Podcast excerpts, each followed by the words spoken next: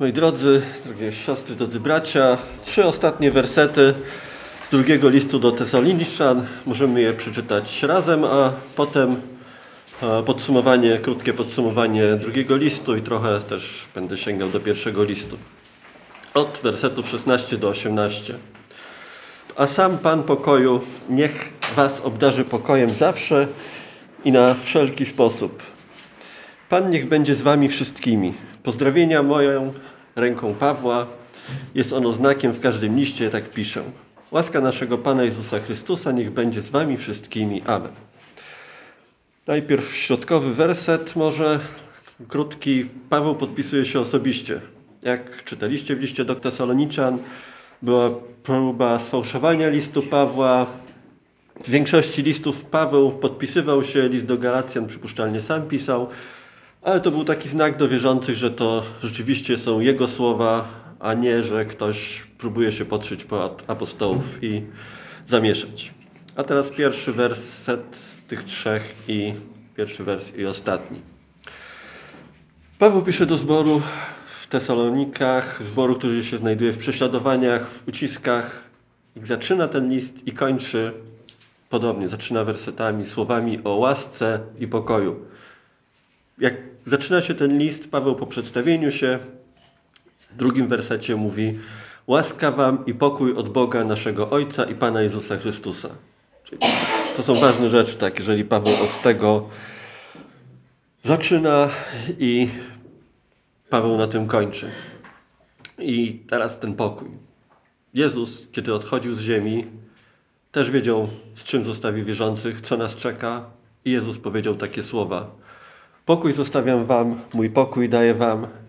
Daję wam nie tak, jak daje świat. Niech się nie, troży, nie trwoży wasze serce i nie, ani się nie lęka. To jest z Ewangelii Jana 14:27. Widzimy, to się dzieje. Widzimy, że już prawie od trzech tygodni, czy już ponad dwóch tygodni toczy się wojna na Ukrainie. Świat, państwa, organizacje próbują się łączyć w jakieś pokojowe systemy, próbują zapewnić pokój. Była przed II wojną Liga Narodów, są te traktaty o jakimś dobrosąsiedztwie i tak dalej. Ludzie starają się ze wszystkich sił, żeby był pokój, a tego pokoju nie ma. Nie ma. Ale to pragnienie pokoju jest tak wielkie w ludziach, że kiedy przyjdzie antychryst, Ludzie oddadzą mu władzę w imię tego, żeby on zaprowadził pokój na świecie. Tak, jest, tak, tak możemy wywnioskować z tego, co jest napisane. Z drugiej strony ludzie też osobiście pragną tego pokoju. Tak? Uciekają w jakąś ascezę, w medytację, w jogę, w techniki jakieś psychologiczne, żeby oddalić się od złych rzeczy i żeby mieć pokój. No i to też się okazuje nieskuteczne. Tak? Nasza ludzka, grzeszna natura zawsze będzie zawodziła i zawsze będzie Zawsze będzie wracał, wracał ten prędzej czy później niepokój co do życia, co do przyszłości, co do tego, co jest, co ma być. Ale czy jest jakaś nadzieja dla nas, a szczególnie dla nas wierzących? Jest ta nadzieja. Apostoł Piotr napisał w swoim liście: Chcesz mieć pokoju? Poznaj tego, który daje prawdziwy pokój. Drugi list Piotra, pierwszy rozdział, od wersetu drugiego. Łaska i pokój niech się wam pomnożą przez poznanie Boga i Jezusa naszego Pana jako że Jego boska moc obdarowała nas wszystkim, co jest potrzebne do życia i pobożności, przez poznanie tego, który nas powołał do chwały i cnoty. Biblia daje nam zawsze odpowiedź, w tym przypadku też nam daje prostą odpowiedź. Jeżeli chcieliśmy wiedzieć, to nie jest tylko teoria, tak, poznaj Pana i to tak, jakaś abstrakcyjna rzecz. Piotr pisze dalej, co trzeba zrobić. Tak. W tym liście możemy przeczytać, jakie kroki dalsze, jak powinno nasze życie wyglądać. Biblia jest zawsze praktyczna. Paweł mówił świetne świadectwo dzisiaj, wspaniałe świadectwo Bożej działalności. Każdy z nas ma takie świadectwa. Oczekujmy takiego działania, bo taki jest Bóg. Takiemu Bogu możemy zaufać. Ten Jezus, któremu oddaliśmy nasze życie, On został nazwany księciem pokoju. W księdze Izajasza w dziewiątym rozdziale możemy przeczytać Dziecko bowiem narodziło się nam, Syn został nam dany. Na jego ramieniu spocznie władza, a nazwą go imieniem cudowny, doradca, Bóg mocny, Ojciec wieczności, Książę pokoju. A rozszerzeniu jego władzy i pokoju nie będzie końca. Zasiądzie na tronie Dawida i nad jego królestwem, aż je ustanowi i utwierdzi sądem i sprawiedliwością. Odtąd i na wieki. Dokona tego gorliwość Pana zastępów. Na przyjście tego królestwa my oczekujemy, ale ten książę pokoju to jest ten Jezus, któremu w większości, mam nadzieję, może wszyscy tutaj oddali życie. Jeżeli nie, no to droga jest prosta. Ta, ta droga powierzenia się Jemu, temu, który jest księciem pokoju. Ten Jezus, no nie tylko nazwa, tak, że On jest księciem pokoju. Ten Jezus to jest ten, przez którego wszystko zostało stworzone i dla którego zostało wszystko stworzone. Apostoł Jan to mówi. Na początku było Słowo, Słowo było u Boga i Bogiem było Słowo. Ono było na początku u Boga. Wszystko dzięki Niemu się stało, z tego co istnieje, nic się nie stało bez Niego. W Nim było życie, życie było światłością ludzi. No znowu to tak możemy sobie abstrakcyjnie pomyśleć, takie Słowo było, było, Słowo stworzyło. Ale to oznacza, że wszystko, czyli każdy atom we wszechświecie, czas, przestrzeń, wszystko co jest, co nas otacza, zostało stworzone przez Jezusa. Przez Niego i dla Niego. W pierwszym liście do Koryntian w ósmym rozdziale możemy przeczytać. Dla nas jest tylko jeden Bóg Ojciec, od którego pochodzi wszystko i dla którego my istniejemy oraz jeden Jezus, Pan Jezus Chrystus, przez którego się stało wszystko i przez którego my istniejemy. Ten Jezus nie tylko stworzył wszystko, co widzimy, ale wszystko podtrzymuje w swojej mocy, trzyma w swoich rękach, sprawia, że wszystko żyje. To z listu do Hebrajczyków możemy przeczytać, że ten, który będąc blaskiem Jego chwały i wyrazem Jego istoty podtrzymuje wszystko słowem swojej mocy, dokonawszy oczyszczenia z naszych grzechów przez samego siebie, zasiadł po prawicy majestatu na wysokości. To jest ten Jezus, książę pokoju, który stworzył wszystko, który wszystko podtrzymuje swoją siłą, swoją mocą. Takiemu Bogu możemy zaufać. Tak? To nie jest Bóg teoretyczny, jakiś tam filozoficzny wynaturzenia, dywagacja, jakiejś przestrzeni, materii. To jest ten, który wszystko stworzył, który wie wszystko, co było, co jest i co będzie. To jest konkretny Jezus, konkretna fizyczna osoba, która była wśród nas, była wśród ludzi na ziemi, który jest teraz w niebie. Takiej osobie, temu możemy zaufać. Jeżeli tego ktoś nie zrobił, to, to to jest jedyna droga do pokoju, ale też do pojednania się tego pokoju, który jest też pojednaniem się z Bogiem. Jezus powiedział: Ja jestem drogą i prawdą i życiem. Nikt nie przychodzi do Boga jak tylko przeze mnie. To jest jedyna droga do pojednania się z Bogiem, jedyna droga do pokoju tu na ziemi i pokoju wiecznego. Ale ceną tego pokoju była śmierć Jezusa, była krew Jezusa. To nie jest znowu tak, że Jezus powiedział: Jestem pokojem, pokój mój wam daję. On zapłacił olbrzymią cenę za nasz pokój. Ponieważ upodobał sobie Ojciec, aby w nim zamieszkała cała pełnia i aby przez niego wszystko ze sobą pojednać, czynią, po, czyniąc pokój przez krew Jego na krzyżu. Przez niego mówią to, co jest na ziemi, jak i to, co jest w niebie. To zostało pojednane z Bogiem. To kilkaset lat przed narodzeniem Jezusa, to właśnie o tym pokoju i o tym, w jaki sposób ten pokój nastanie dla nas, prorokował Izajasz. Lecz on był zraniony za nasze występki, starte za nasze nieprawości. Kara dla naszego pokoju była na nim, a jego ranami zostaliśmy uzdrowieni. Wszyscy jak owce zbłądziliśmy, każdy z nas zboczył na swoją drogę, ale Pan włożył na niego nieprawości nas wszystkich. Ten książę pokoju, który stworzył wszystko, który trzyma swoją mocą, też ten sprawił, że nasze życie jest pojednane z Bogiem, że mamy pewność, że kiedy umrzemy, trafimy przed Boga, nie zostaniemy potępieni za nasze grzechy. Ale to nie nasza zasługa, nie myśmy nic z tym zrobili, to nie nasze cudowne dokonania tutaj na ziemi sprawiły, ale, ale Boża łaska.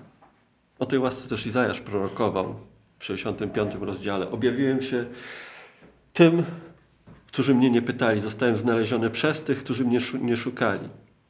Do narodu, który się nie nazywał moim imieniem, mówiłem: Oto jestem, oto jestem. Kiedy Izrael odwrócił się od Boga, odrzucił Boga, Bóg wyciągnął rękę do nas z łaski. To jest ta łaska, o której też Paweł mówi, tak? W tym końcowym, ostatnim wersecie, że to łaska Boża sprawiła wszystko. Wszystko dostaliśmy od Boga przez łaskę. Jak liście do Efezjan w drugim rozdziale możemy przeczytać, lecz Bóg, który jest bogaty w miłosierdzie z powodu swojej wielkiej miłości, którą nas obdarował. I wtedy, gdy byliśmy umarli w grzechach, ożywił nas razem z Chrystusem, gdyż łaską Jego jesteśmy zbawieni. Ta łaska i sprawiła, że poznaliśmy Boga. Dzięki tej łasce dostaliśmy Ducha Świętego, kiedy pogodziliśmy się z Bogiem, przyjęliśmy Boga jako naszego Pana, jako Zbawiciela, dostaliśmy Ducha Świętego, który nas prowadzi, który pokazuje nam drogę, który sprawia, że Słowo Boże nie jest tylko martwą literą, ale ożywia się w nas, że możemy coś z tego zrozumieć. Ten Duch Święty, który w nas działa, przemienia nas na podobieństwo Jezusa, albo stara się, jak mu się poddamy, stara się, żeby tak zrobić z nami. Ale też ten Duch Święty przyniósł nam różne dary do Kościoła, którymi sobie wzajemnie usługujemy. Wszystko przez łaskę, przez miłosierdzie naszego Pana Jezusa Chrystusa. Dwa wersety, ale bardzo znaczące, jeżeli chodzi o życie i wtedy tych Tesaloniczan, którzy byli prześladowani, mieli trudy. I nas teraz. No. Też, też każdy z nas się martwi albo zastanawia, co będzie.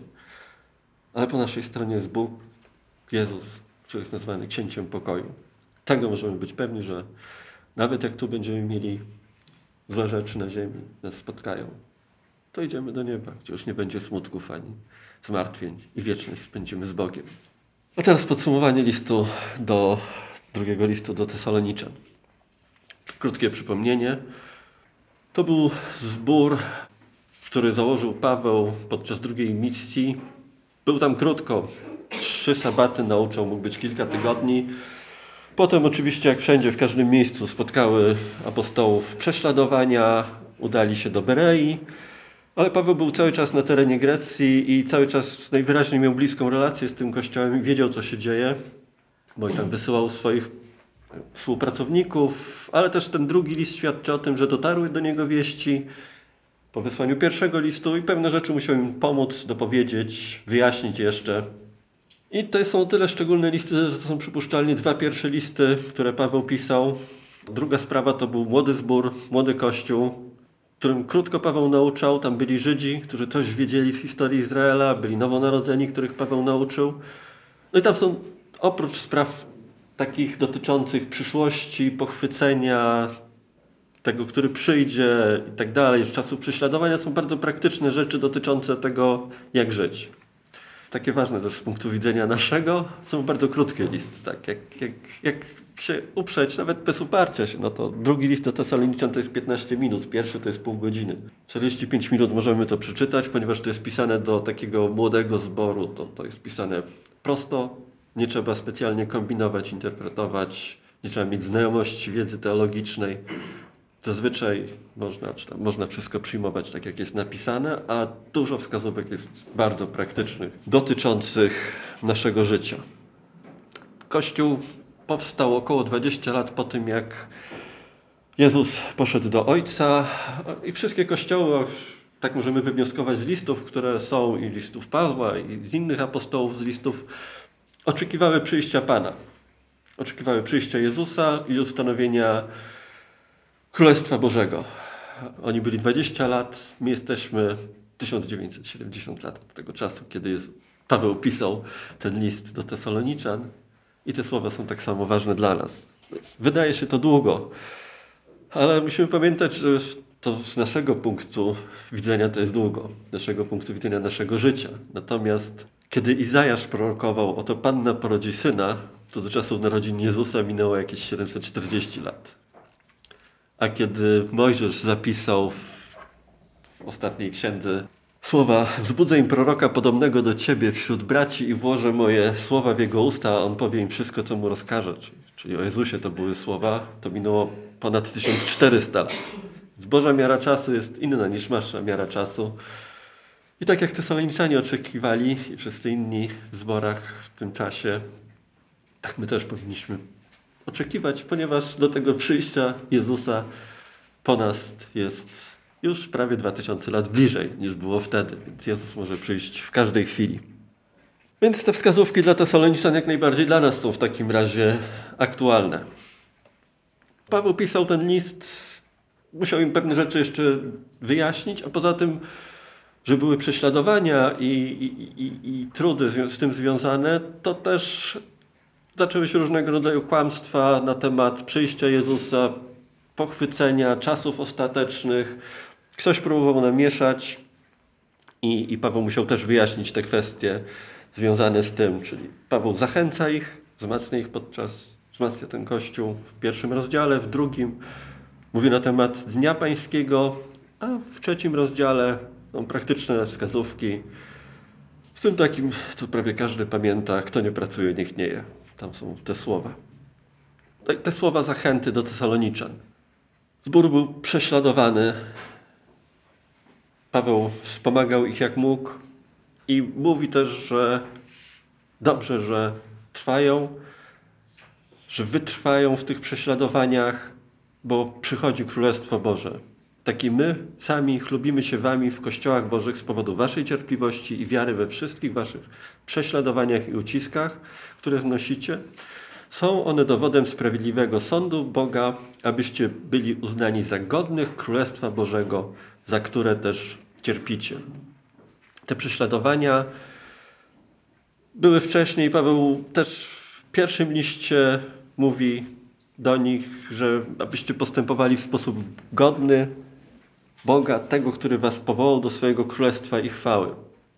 I w dziejach Paweł zapowiada o tych prześladowaniach w 14 rozdziale. Akurat nie w przypadku Tesaloniczan, ale w każdym miejscu, gdzie, gdzie było ogłoszone słowo, gdzie powstawały zbory, zaczynały się prześladowania i tam możemy przeczytać, że Paweł nauczał, umacniając duszę uczniów i zachęcając ich do trwania w wierze, mówili, że przez wiele utrapień musimy przejść, aby wejść do Królestwa. I tak jak wtedy, tak teraz. Wiele utrapień nas spotyka, wiele rzeczy. Ale Bóg jest po naszej stronie i Bóg chce, żebyśmy w sposób należyty dokończyli naszego dzieła wiary. W sposób godny albo w sposób taki, który nie przyniesie Bogu ujmy.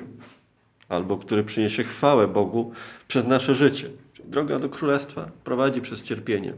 I oni mu uświadamią, że takie rzeczy będą i przez takie rzeczy przechodzili, ale też im powiedział, że przyjdzie dzień, kiedy nastąpi zamiana ról. Tak? Ci, którzy prześladowali, nad nich wypełni się sąd, a oni, jako prześladowani, ci, którzy wytrwali z Jezusem, dostąpią chwały wiecznego czasu bycia z Bogiem. Najpierw jeszcze królestwa na ziemi, a potem bycia z Bogiem. To jest dalsze wersety z pierwszego rozdziału ponieważ jest rzeczą sprawiedliwą u Boga, żeby odpłacić uciskiem tym, którzy was uciskają, a wam uciśnionym dać odpoczynek wraz z nami, gdy się z nieba objawi Pan Jezus z aniołami swojej mocy.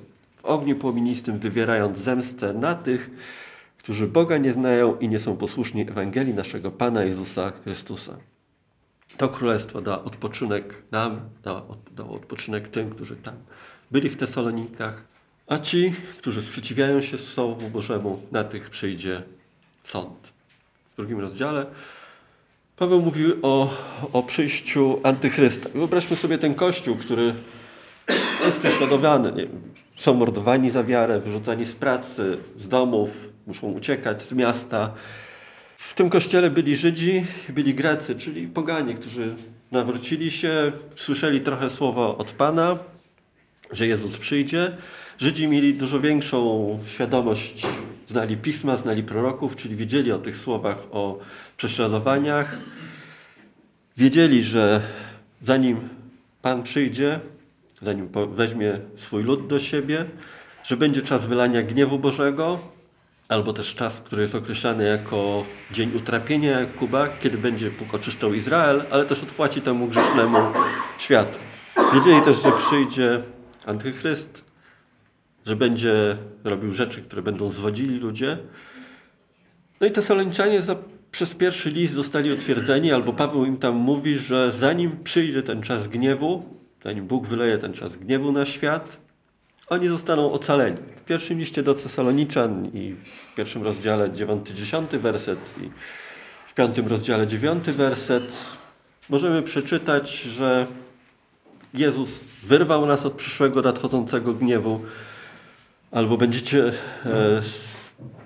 nie przeznaczył, Bóg nie przeznaczył nas, was na gniew, lecz abyśmy otrzymali zbawienie przez Boga. I oni mieli jakąś teologię i ci Żydzi wiedzieli i, i nowonarodzeni wiedzieli, co ma się stać, co ma być, ale były ciężkie prześladowania. No i przyszli ludzie, którzy im zaczęli mieszać w głowach i też przypuszczalnie napisali list, albo był list, który podważał tą ich wiarę, tą ich teologię. To musiał być swoją drogą list napisany przez tych, którzy zdawali sobie o tym, albo wiedzieli o tym, że będą takie prześladowania. No to, to, to z kręgów powiedzmy żydowskich to musiało wyjść, bo poganie nie mieli o tym pojęcia. No i oni mówili, że tak, wy jesteście tu na ziemi, jesteście prześladowani, no to przyszedł ten dzień Pana i co, Bóg was zostawił, nie wyrwał was od tego nadchodzącego gniewu, no to to chrześcijaństwo to jakieś bajki i tak dalej. To nie ma w tym prawdy. To, to. I podważali im tą ich wiedzę na temat przyjścia Jezusa, Boga, dobroci Boga, miłości Boga. I stąd Paweł musiał napisać, niech was nikt w żaden sposób nie zwodzi. Ten dzień bowiem nie nadejdzie, dopóki najpierw nie przyjdzie odstępstwo i nie objawi się człowiek grzechu, syn zatracenia. Paweł wyjaśnia tą teologię. No i to też pokazuje jakąś sekwencję wydarzeń. Tak jak, tak jak bierzemy w pierwszym liście do Tesaloniczan jest opisane pochwycenie Kościoła, a później wylanie gniewu Bożego, ale też objawienie się Antychrysta, sąd Boży. Dopiero potem Jezus, który przychodzi niszczy tego antychrysta i rozpoczyna się panowanie Jezusa. Paweł to w pierwszym, w drugim liście wyjaśnia. No ale były prześladowania, które też mogły spowodować, że młodzi wierzący przestali ufać, przestawali ufać Bogu, odchodzili od Boga, a też ze względu na to zamieszanie, a to nieprawda, też mogli odchodzić. A z drugiej strony, jak Pan ma zaraz przyjść, to po co pracować? Tak, to, tak zaraz się to skończy. No wyobraźmy sobie, jeszcze są ci, którzy pamiętali Jezusa. Jezus mówi, przyjdę za chwilę. Tak? Wszyscy mówią, przyjdę. No to po co pracować, jak Jezus zaraz przyjdzie? Więc Paweł daje pewne napomnienia, nakazy, jak postępować, jak żyć w tym czasie. Tak, tak jak dla nich było to ważne, tych w Tesalonikach, dla nas też to jest tak samo ważne. Tak samo oczekujemy przyjścia Pana, a nawet jest bliżej niż wtedy było. No i są w trzecim rozdziale te napomnienia. A nakazujemy wam, bracia, w imię naszego Pana Jezusa Chrystusa, abyście stronili od każdego brata, który postępuje nieporządnie, a nie według naszych nauk, które od nas otrzymał od nas. Sami bowiem wiecie, jak należy nas naśladować, ponieważ nie żyliśmy wśród nas nieporządnie. Gdy bowiem byliśmy u was, to nakazywaliśmy wam, kto nie chce pracować, niech nie je. Dlatego nakazujemy im napominamy przez Pana naszego Jezusa Chrystusa, aby spokojnie pracując własnych chleb jedli. Wy zaś, bracia, nie bądźcie znużeni w czynieniu dobra. Czyli dopóki Jezus nie przyjdzie po swój Kościół, nie pochwyci Kościoła, mamy pracować dobrze i czynić dobrze bez znużenia. Bardzo proste słowo. To życie, to, to nie tylko Paweł mówił do Tesaloniczan o takim postępowaniu w pierwszym i w drugim liście, aby postępować dobrze, ale też inni apostołowie o tym mówili, aby, aby nie zrobić wstydu Bogu. Tak? Spotkamy się z Bogiem, zdamy sprawę z własnego życia i powinniśmy żyć porządnie albo godnie, jak to jest napisane. Jak Paweł też mówi w tym liście do Tesaloniczan, abyście postępowali w sposób godny Boga, który nas powołał do swojego królestwa. W pierwszym liście jest dużo praktycznych wskazówek. Lutek miał o tym nauczanie. Zawsze się radujcie, nieustannie się módlcie, za wszystko dziękujcie. Ducha nie ważcie, proroc nie lekceważcie.